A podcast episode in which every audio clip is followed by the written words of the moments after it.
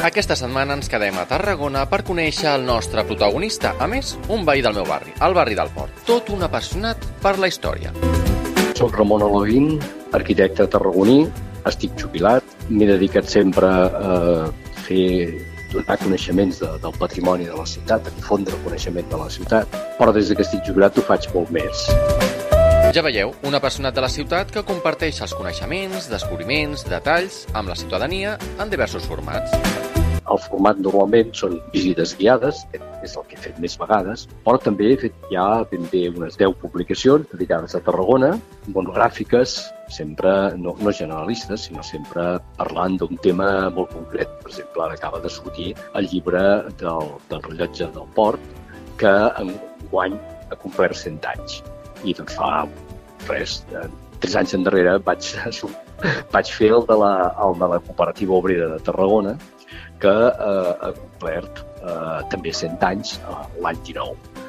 Visites guiades, publicacions... I és que en Ramon confessa que des de que està jubilat és un gran observador de la ciutat. Jo ho faig des de l'exploració. Sempre m'agrada dir que jo sóc com un escolta, com un, com un scout. Eh? Exploro, exploro la ciutat, veig un carrer, un edifici, un monument que no és com els altres, que té unes particularitats, llavors miro de fer-ne un seguiment i de saber, doncs, conèixer època, estil, autor, tot el que es pugui anar agrupant d'aquell monument. I de petit? Era observador? Es quedava bocabadat amb el seu entorn al nostre protagonista? Aloguin ens parla de la seva infància i com era el seu barri i la ciutat en aquell temps. Jo tinc uns quants anys, vaig néixer l'any 51 a la plaça dels Carros i realment en aquella època estàvem molt arrelats a la ciutat. És a dir, l'expulsió eh, fora de la ciutat pràcticament no existia, mm, no era freqüent, les persones es movien molt poc i en canvi ens movíem molt per dintre de la ciutat. Nosaltres érem una família que anàvem tot sovint al casc antic, a la catedral, anàvem eh, al passeig arqueològic, sobretot al passeig arqueològic, anàvem molt al Serrallo, el meu avi tenia una fàbrica de, de gel i alguns dels meus oncles hi treballaven, però hi la, la, recordo realment molts moviments per dintre de la ciutat, quan era molt petit, amb, amb la família, eh, fent visites d'aquestes que, que a vegades doncs, eren com a molt culturals i que a vegades eren senzillament familiars, però que per descomptat jo penso que el meu interès per la ciutat ve d'aquest moment infantil de, de pensar molt en, amb la mobilitat eh, ciutadana, no? allò de dir, tenim una ciutat que hi ha la Peralta, que hi ha el pati del port, que hi ha un serrallo, que hi ha una gran catedral, que hi ha un passeig arqueològic, totes aquestes peces conegudes des de molt jove, doncs eh, no les he oblidat. A més, Aloguin explica que de seguida va tenir clar a què es volia dedicar, tot i que estranyés el seu entorn molt aviat, eh? molt aviat. Sense saber ben bé què volia dir fer arquitecte, em va semblar que era un tema interessant. I llavors, quasi, quasi, era tan jove que era com, com una gracieta, no? Allò que la família diu, ai, què vols ser quan siguis gran? Jo deia arquitecte, tothom deia arquitecte. I, és, i ara, no parar, no? Bé, eh, la veritat és que ho vaig fer i, i, i no me'n paradeixo eh, m'ho he passat molt bé amb la professió. I ara fent aquesta difusió de, del patrimoni, que és el capdavall un vessant de, de la professió, doncs continuo mm, gaudint de la, de la feina, que és el millor que et pot passar aquesta vida. Em pregunto quina era la primera publicació de Login i a quina temàtica o monument la va dedicar. La primera publicació que vaig fer, la guia de fortificacions de Tarragona. Com ho vaig fer? Doncs a través d'una exploració, aquesta vegada absolutament professional, és a dir, per entendre'ns, em pagaven per fer-la, jo treballava en el Departament de Cultura, i ens vam trobar un moment que calia renovar un eh, catàleg molt, molt antiquat que hi havia de castells. Castells, ara el sentit ampli, eh? fortificacions, torres de defensa, ciutats emmurallades, etc. I m'hi vaig posar. Eh? Tocava fer-ho i ho vaig fer. I quan ho vaig tenir acabat, doncs el recull havia funcionat molt bé, la veritat és que eh, m'hi vaig passar quasi un parell d'anys, però que les persones que havien de rebre aquesta, aquests documents doncs, ho van trobar molt bé, em van animar molt, i llavors eh, vaig dir, escolta, si ho publico, què passarà? Com ho deixeu fer? Sí, tu entens l'autoria, si vols fer fes-ho. I ho, ho vaig publicar. Va ser una publicació una mica així d'estar per casa, però que, que va tenir molt d'èxit. La veritat és que, que va funcionar molt bé. I això va ser aproximadament l'any 1996-97, d'aquesta època. Guia de fortificacions de Tarragona, ni més ni menys.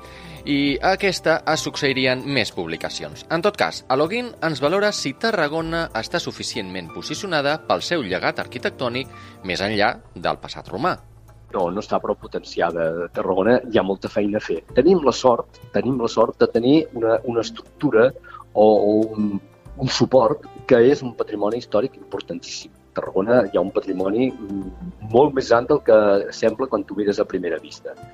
I penso que això és una bona referència per, per muntar un, un estil de ciutat, un perfil de ciutat. Però això és el que no tenim. Jo sempre trobo a faltar el mateix, que és el relat de la ciutat quina mena de ciutat volem? Una ciutat, no sé, totes les cases molt altes i que llavors hi hagi un verd molt important al voltant, estic simplificat molt, eh? O totes les cases molt baixes, que tothom tingui el seu jardinet i llavors fer una ciutat molt extensa, o, o, o. No? Ha, hi ha el, el relat, ara he simplificat molt, però el model de ciutat que vulguem pot ser eh, de moltes maneres i és molt, molt, molt complexa. I això és per on hauríem de començar fer un pla general. Si no sabem allà on anem, ara se'n diu, no se'n diu pla general, se'n diu pla d'ordenació urbana municipal, POUD. Però si una planificació que abasti tot el municipi, si abans prèviament no sabem cap on volem anar, i a més a més no s'ha fet l'esforç d'això pactar-ho, que això sigui un pacte de, de, de les forces socials i polítiques de la ciutat, que tothom estigui d'acord que s'ha de prioritar la platja o que s'ha de fer el que sigui que s'hagi de fer, que estigui més o menys pactat i que tothom treballi en aquest sentit. Si no fem això, estem fent les coses a trossos. I el resultat és que la ciutat doncs, està, no està tan bé com podria estar. A Tarragona li falta un exhaustiu relat de ciutat segons el nostre protagonista i saber cap a on volem anar. En tot cas, és la seva percepció. Però quina és la dels participants de les visites guiades? Quins són els inputs que en recull el nostre protagonista?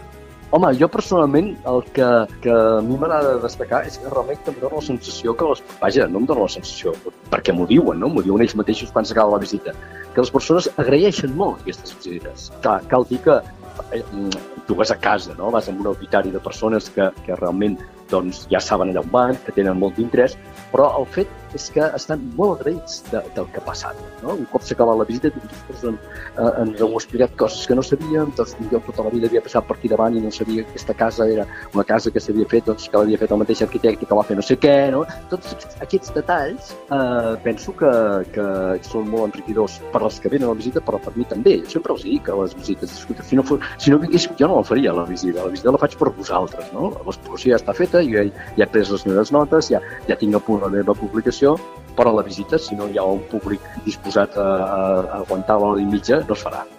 I és que la rutina, el dia a dia, l'anar ràpid, pel carrer o fins i tot amb la mirada enganxada al mòbil ens impedeix adonar-nos del nostre entorn, dels detalls de cada racó, dels edificis, i per això quan dediquem espai a que algú ens ho mostri i ens ho expliqui, ens sortim tan meravellats i sorpresos, sovint amb allò que tenim fins i tot a tocar i que no ens havíem fixat. Ramon Aloguin, arquitecte jubilat i apassionat per la història, l'arquitectura i cada racó de la ciutat i que ho comparteix amb la ciutadania, com avui amb el nostre podcast de veïns de Carrer Major.